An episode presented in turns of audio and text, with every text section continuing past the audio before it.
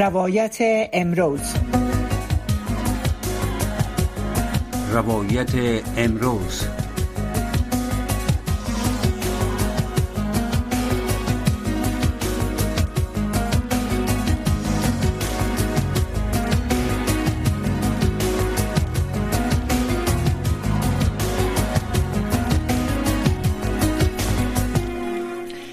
شنونده های عزیز سلام. آرزو دارم ساعت و سلامت باشین و وقت خوش داشته باشین. همچنان بیننده و شنونده برنامه های رادیو آشنا صدای امریکا باشین. در برنامه روایت امروز در رابطه به یک مشکل بسیار حاد در افغانستان صحبت خواد داریم که موضوع سوی تغذیه اطفال است و دلیل از این چیز که اطفال سوی تغذیه میشن؟ البته به اساس تازه ترین معلومات ورد ویژن یک نهادی که معلوماتش تازه منتشر کرده در افغانستان دلیل سوی تغذیه مشکلات اقتصادی گفته شده و در گزارش تازه از اینا گفته شده که تقریبا بالاتر از سه میلیون کودک در افغانستان با سوی تغذیه بسیار حاد مواجه هستند. دلایل چیست و چی تاثیراتی می‌گذاره سوی تغذیه اطفال در خانواده و بالای خود اطفال و آیندهشان؟ در برنامه روی مسئله صحبت می‌کنیم. البته در برنامه یکی از مهمانانی را دعوت کردیم که در رابطه به موضوع با ما صحبت کنن ادریس واجد دکتر سب ادریس واجد البته کارشناس صحی با ما هستند در این رابطه صحبت می‌کنن اما اول مطمئن بسازم که آقای واجد هستن در خط یا نه واجد صاحب اگر در خط هستین سلام به شما خوش آمدین. سلام وقت شما و وقت تمام شنونده های شما بخیر. و مدور هستم که بتان داشته باشید ممنون شما بسیار زیاد تشکر از وقتتان و از حضورتان در این پروگرام. خب طوری که من در مقدمه هم گفتم به اساس تازه ترین معلومات ورد ویژن در افغانستان تعداد زیادی از افراد با سوی تغذیه بسیار شدید مواجه هستند.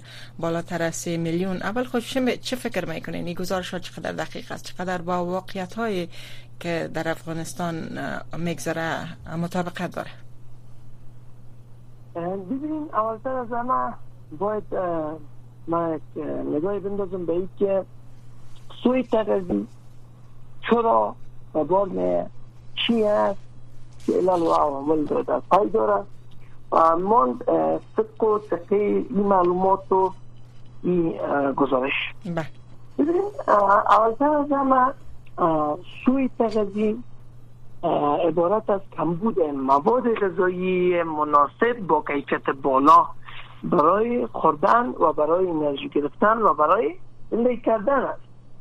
و بیشتر مواقع در جامعه در حال توسعه و در کشورهای در حال توسعه رخ میده و اکثرا کسایی که از این ناحیه آسیب می‌بینن اطفال و سالا در بسیار کم از سالی بیشتر اطفال در معرض خطر است.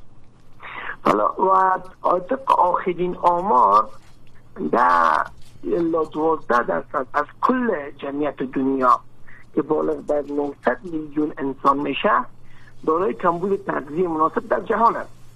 که کشورهای نظیر افغانستان سرآمد از این 900 میلیون است. بنابر دلایل اجتماعی تبعات جنگ ساختارهای قومی و مشکلات فراوان سیهی عدم رعایت ابدال صحه فلازا ببین در اصناب سوی تغذیه و کمبود و دسترسی به مواد مغذی درست و صحی این بیشتر از میلیون ها انسان به دسترسی نداشته باشند ولی این گزارشی که بین سه تا چهار میلیون کودک دچار سوی تغذیه شدید و حاد هستند و نیاز به مراقبت و مواظبت جدی دارند این درست است و حقیقت دارد چرا؟ چون که ما از جهات مختلف شما هم یادآوری کردین که تابع مردم البته آقای واجد موضوع مشکلات اقتصادی دلیل ای سوی تغذیهات گفته شده در گزارش ورد ویژن به نظر شما غیر از مشکلات اقتصادی البته دیگر چه مشکلاتی است که می‌تونه متاثر بسازه اطفال و اونا گرفتار شن به سوی تغذی ببین من می‌خواستم میدم کنم که درست است که فقر یکی از دلایلش هست ولی کمبود معلومات و دانش سی عدم رعایت حفظ صحت در خانواده ها و در جامعه. قحطی ها کمبودهای آبی و عدم دسترسی به آب و آشامیدنی درست. جنگ ها آفات مسئولات کشاورزی اینا تمامش تمامش از علل و مواجب تشدید ای سوی تغذیه در جهان میشه. گفتش همچنان افزایش جمعیت پرش بیابان ها مشکلات جوی و رژیم های غذایی نادرست خوراکی های بدون کیفیت. درست است؟ اینا تمامش که اطلاعات دانش ناکافی در مورد تغذیه و اهمیت تغذیه یکی از دلایل دیگه است که مسبب سوی تغذیه میشه حتی فرض مثال عدم رسیدگی درست به خانمای باردار در دوران حمل. خودش یکی از دلایل است. و همچنان گاگای امراض و بیماری های اختلالات داره که مثلا در سیستم دفاعی و تدافعی بدن و در جهاز آزمه بار و مسبب این میشه که بعض مواد جذب نشه و او مواد برای میتابولیزم بدن لازم باشه و میتابولیزم دچار مشکل کنه. و در بعض آدم ها حتی پرخوری بدخوری و رژیم های تخت لاغری می‌تونن سبب سوی تغذی شود. به نظر شما در افغانستان کدام وضعیت بیشتر متاثر می سازد اطفال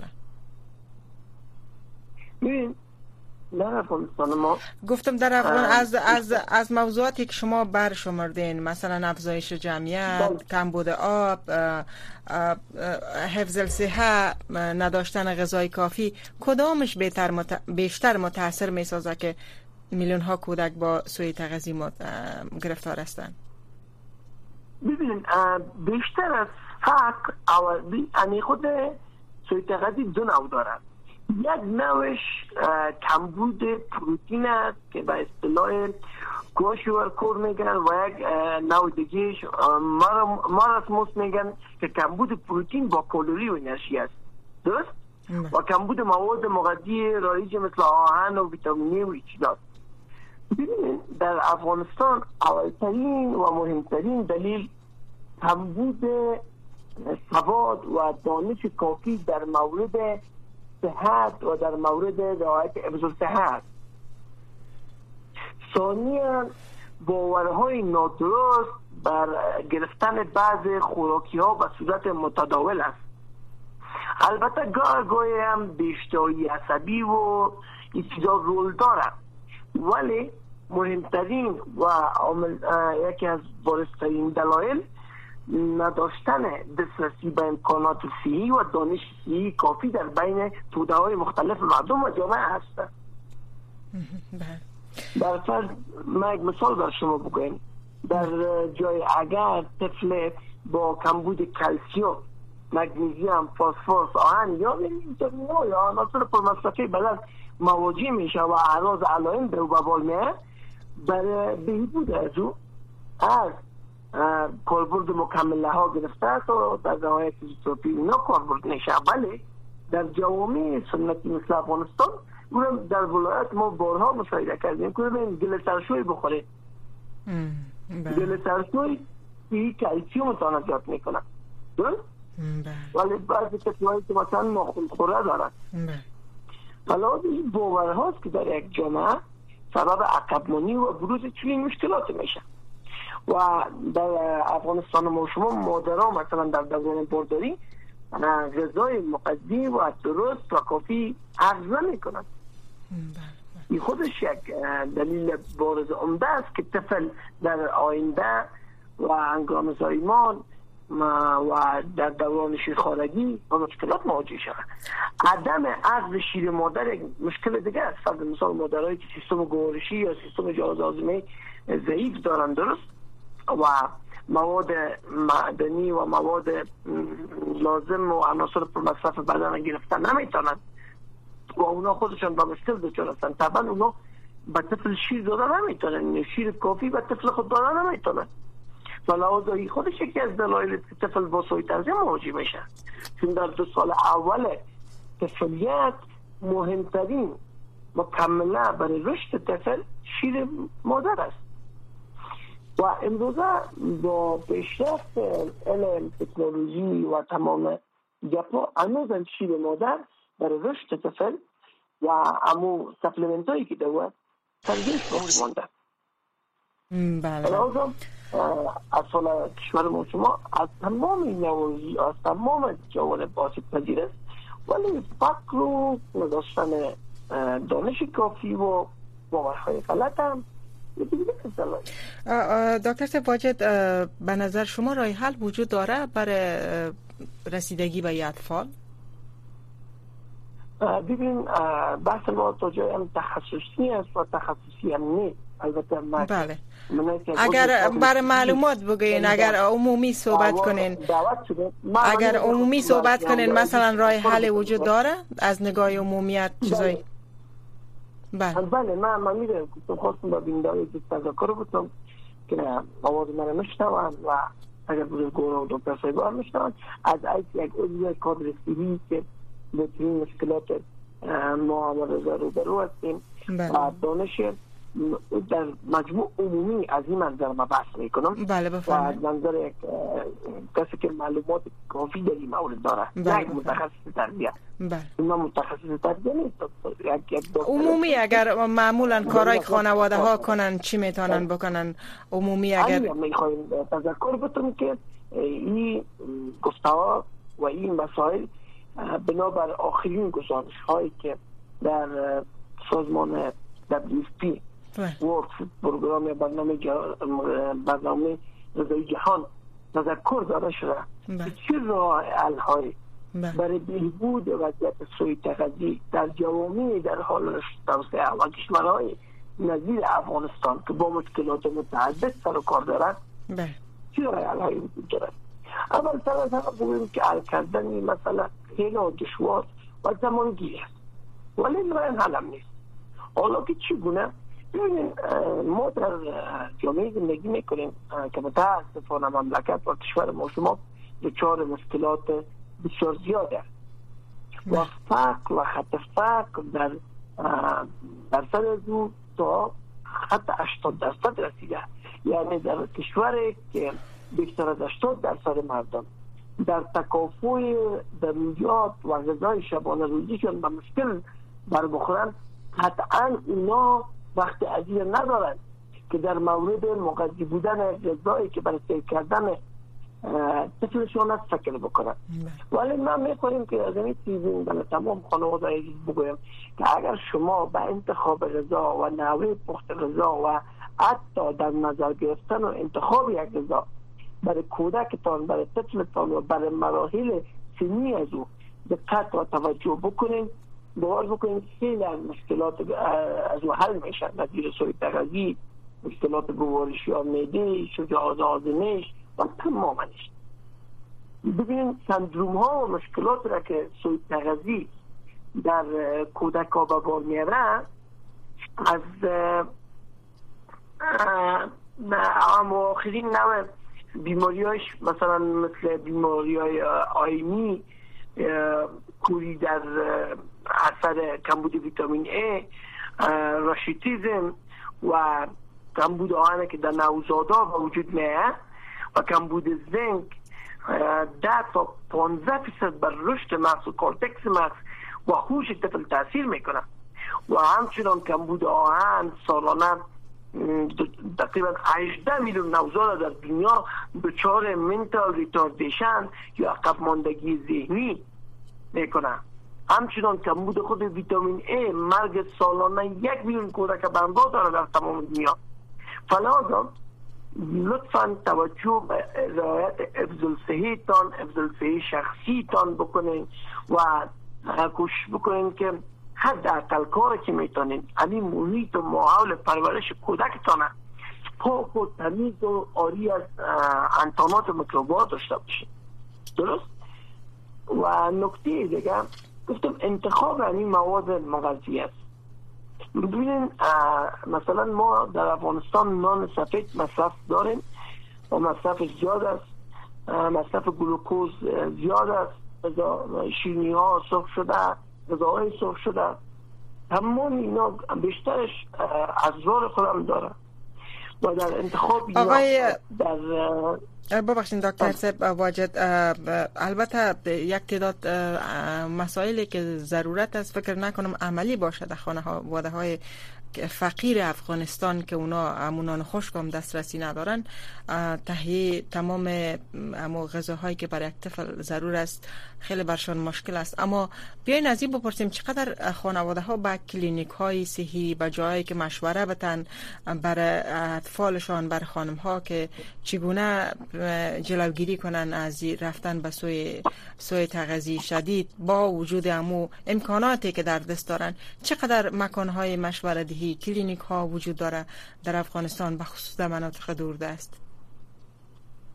متاسفانه متاسفانه باید جادوری بکنیم که در مناطق دوردست هست. بعض نهادها و شمول نهادهای دولتی و غیر دولتی انتفاعی غیر انتفاعی که سالیان سال است به خاطر رشد دانش و آگاهی و سطح دانش و اطلاع رسانی در این موارد کار می‌کنند. زمینی از او نهادهای کمک رسان و متعلق به سازمان ملل اونا سپلمنت ها و مواد مغذی برای کسایی که دچار سوی تغذیه ها دستم همچنان سال هاست توضیح می‌کنه و در اما کافی نیست و در مناطق دودست و دسترسی به این بخش که چی به خدمات اولی فیه محدود است.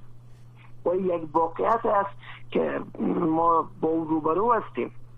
و این مشت نمونه خلقه از مشکلات و مسائل امراض صحی است. اما امیدوار به این هستیم که بیشتر کار شود در این بخش کار چگونه شود؟ شما فکر می‌کنین شما فکر می‌کنین نهادهای داخلی افغانستان می‌تونن رسیدگی کنن یا به کمک های بین المللی نیاز است؟ چون مشکل خیلی حاد معلوم میشن ببینید درست است. شاید کمبودهایی در سیستم صحی و صحت افغانستان و و کادر صحی افغانستان باشه آری از مشکلات نیست. ولی برای اردوی اینا نیاز است. هم به کمک های بین المللی برای مهاری وضعیت هم به سیستم اجرایوی و به تشکیلات و میکانیزم های سکتور صحت افغانستان. درست؟ به خاطر پیاده کردن اونمو برنامه ها و بعد ساوردن اونمو اهداف استراتژی هایی که برای مهاری وضعیت است ما نیازمند از هستیم که سیستم سکتور سطح افغانستان همگام و همراه با نهادهای بین کار بکنه. گرچند متاسفانه اکثر این کادرهای علمی و مسلکی امروز شاید کم باشه در سکتور سطح افغانستان ولی با هم سکتور سطح افغانستان یکی از سکتورهای برازنده و قابل تمجید به خاطر هستند که با کمترین امکانات در بدترین شرایط برای محرومترین مردم دنیا اینا آماده و حاضر به انجام وظایفشان هستند فلازا این یک جزء لازم و ملزوم است. که این دو نهاد با هم کار بکنن که در بیشتر مواقع و در بیشتر موارد با هم یک جا کار می‌کنن و تشریک مسایی بین اینا وجود داره. و یک چیز دیگه که در افغانستان شما گفتین یک مشکل دیگر او کمبود آگاهی است. یعنی خانواده ها خصوصا در مناطق دوردست آگاهی کافی ندارن. تا اگر هم امکاناتی را که در دست دارن هم از او استفاده نهایی و استفاده درست شاید کرده نمی‌تونن. خب یکی از مسائل دیگه هم است که تعداد اطفال زیاد در یک خانواده که مثلا وضع اقتصادی خوبم نداره اما نام خدا تعداد اطفال در می خانواده ها بسیار زیاد است. شما چی فکر می‌کنین؟ آگاهی از کدام را به این خانواده ها می‌تونه داده شود که مثلا از امو امکانات کمی که دارن استفاده درست کنن و یا مثلا افزایش نفوس شما گفتین در سطح خانواده جلوگیری کنن از امو تعداد اطفال زیاده که از نگاه اقتصادی رسیدگی نمیشه برش ببینین ما بر شما بگویم که یک سره انش با منفی و چیزای کمی که در دست و چیزایی که نیست فکر نکنیم.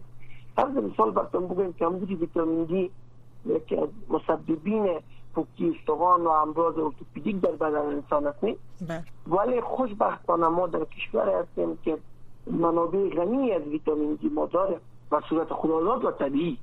ولی به شرطی که ما مثلا او چی است اگر بگوین که شنونده بفهمند در معرض آفتاب مثلا خود به شیوه قرار بدیم که به صورت کافی ما ویتامین دی بگیریم. و خانواده های بزرگوار که در اطراف و در نواحی و در جاهای دوردست زندگی می‌کنن باید یک پلتفرم یک میکانیزم ایجاد شود که از طریق ادارات که مسئولیت سیهی و شفاخانه ها و کلینیک ها را داره برای این آگاهی پخش شود و برای پرسنل و کادر سیهی در مورد ارزش و اهمیت تغذی و غذا و اینا برنامه های دایر شود.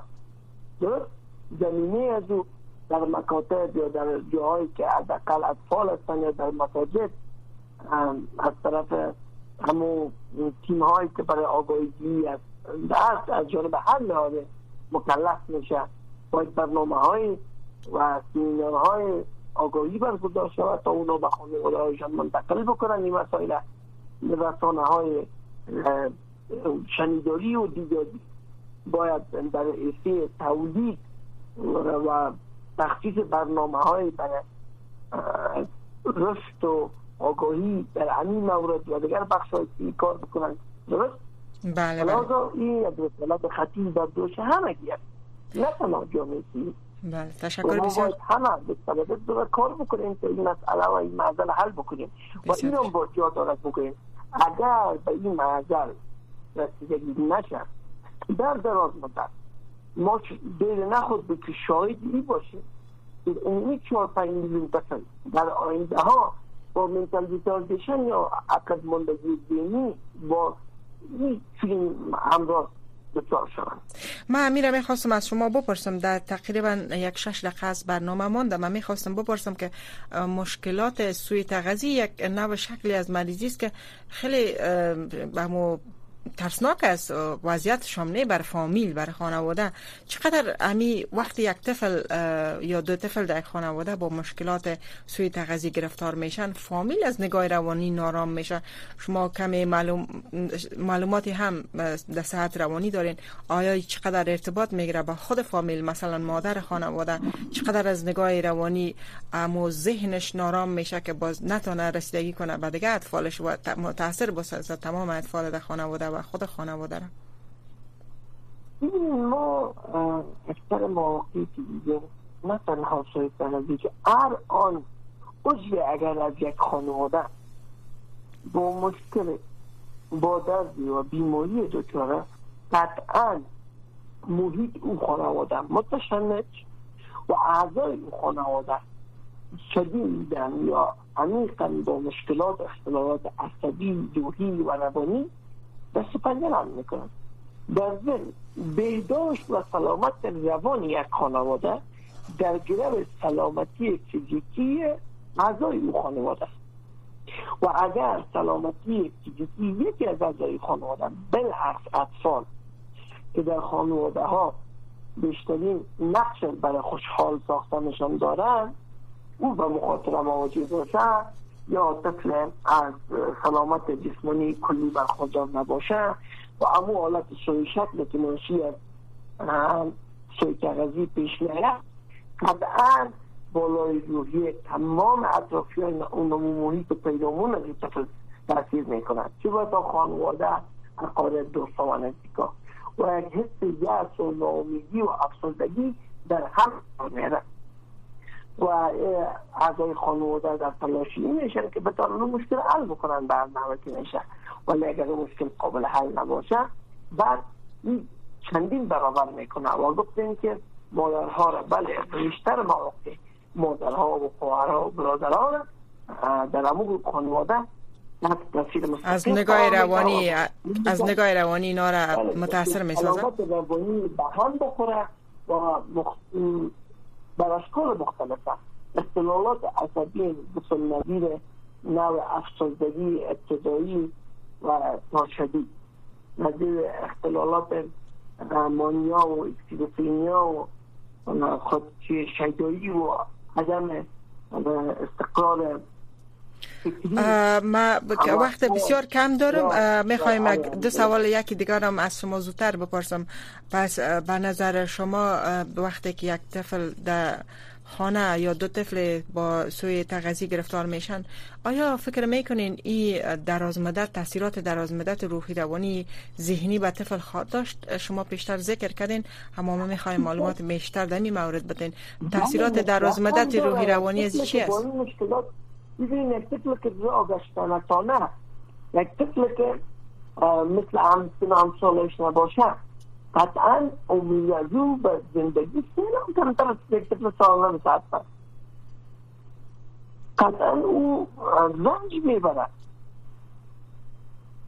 و تاثیرات دراز مدت و ای باعث تاثیرات دراز مدت ها میشه مستبب مستبب گفتم اگر ما روحی طفل در نظر نگیریم و با او در ارتباط نباشیم و او دست نداریم قطعا باعث خودکشی ها باعث شاید باعث ترک دنیا باعث دلزدگی از زندگی میشه برای و اگر شما یک اولا که طفلانی بله. که آسیب مغزی برشان مثلا ناشی از یالت اونایی که قادر با متفکر باشد در غیر از اکثریتشان حتی باعث مردمی شده این حالت باعث عقل ماندگی ذهنی پیش که میشه بله بسیار رول داره روان اونمو تو چه یا خانواده او اگر چون تقریبا کمتر از دو دقیقه داریم. اگر کدام پیامی داشته باشین به خاطر کاهش به خاطر استفاده از امکانات و کاهش تاثیرات فقر و کاهش امو تاثیرات روانیش در خانواده چی پیامتان است برای فامیلا؟ سلام به هموطنهای عزیز و برای تمام شنوندهای محترم. خواهش مجموعی حداقل مسئولانه رفتار بکنند و حداقل از مادر و پدرها در مورد سلامت فرزندشان و اگر هم دارن خانمشان دقیق باشند و در انتخاب مواد مغذی و تغذیه اندک توجه و خرج بکنند تا خدای نخواسته در آینده از بروزشون مشکل اما آنهایی که آقای آقای واجد اما آنهایی که دسترسی به غذای کافی ندارن یا مشکلات شدید اقتصادی دارن اونا چی کنن باید؟ از از که استفاده از امکانات طبیعی نه مادی اونا می‌تونن که رجوع بکنن در استفاده از امکانات مواد مغذی یا مواد غذایی طبیعی یا همین supplement و مواد کمکی که از طرف سازمان های مطلق از سازمان ملل خیلی توضیح میشه. اونا می‌تونن از استفاده بکنن ویتامین دی استفاده بکنن از آفتاب. و همین با تشکر بسیار فراوان از مهمان گرامی برنامه دکتر صاحب ادریس واجد که صحبت های داشتن با ما و با شنونده ها و بیننده های برنامه و امو معلوماتشان در رابطه با سوی تغذی اطفال تاثیراتش بر خانواده تاثیرات ذهنی و روانی. این موضوع بالای خانواده ها و اطفال و راه های حل شد تا حد امکان که وجود داره. گفتن برنامه روایت امروز امروز در همین جا با پایان می‌رسه. من فوزی ایسان با شما خداحافظی می‌کنم اما برنامه های رادیو آشنا صدای امریکا همچنان ادامه داره برنامه بعدی برنامه صدای شماست. امیدوارستم بیننده و شنونده باشید. وقت خوش داشته باشین. دکتر سب خدا حافظ داد وقت مبارک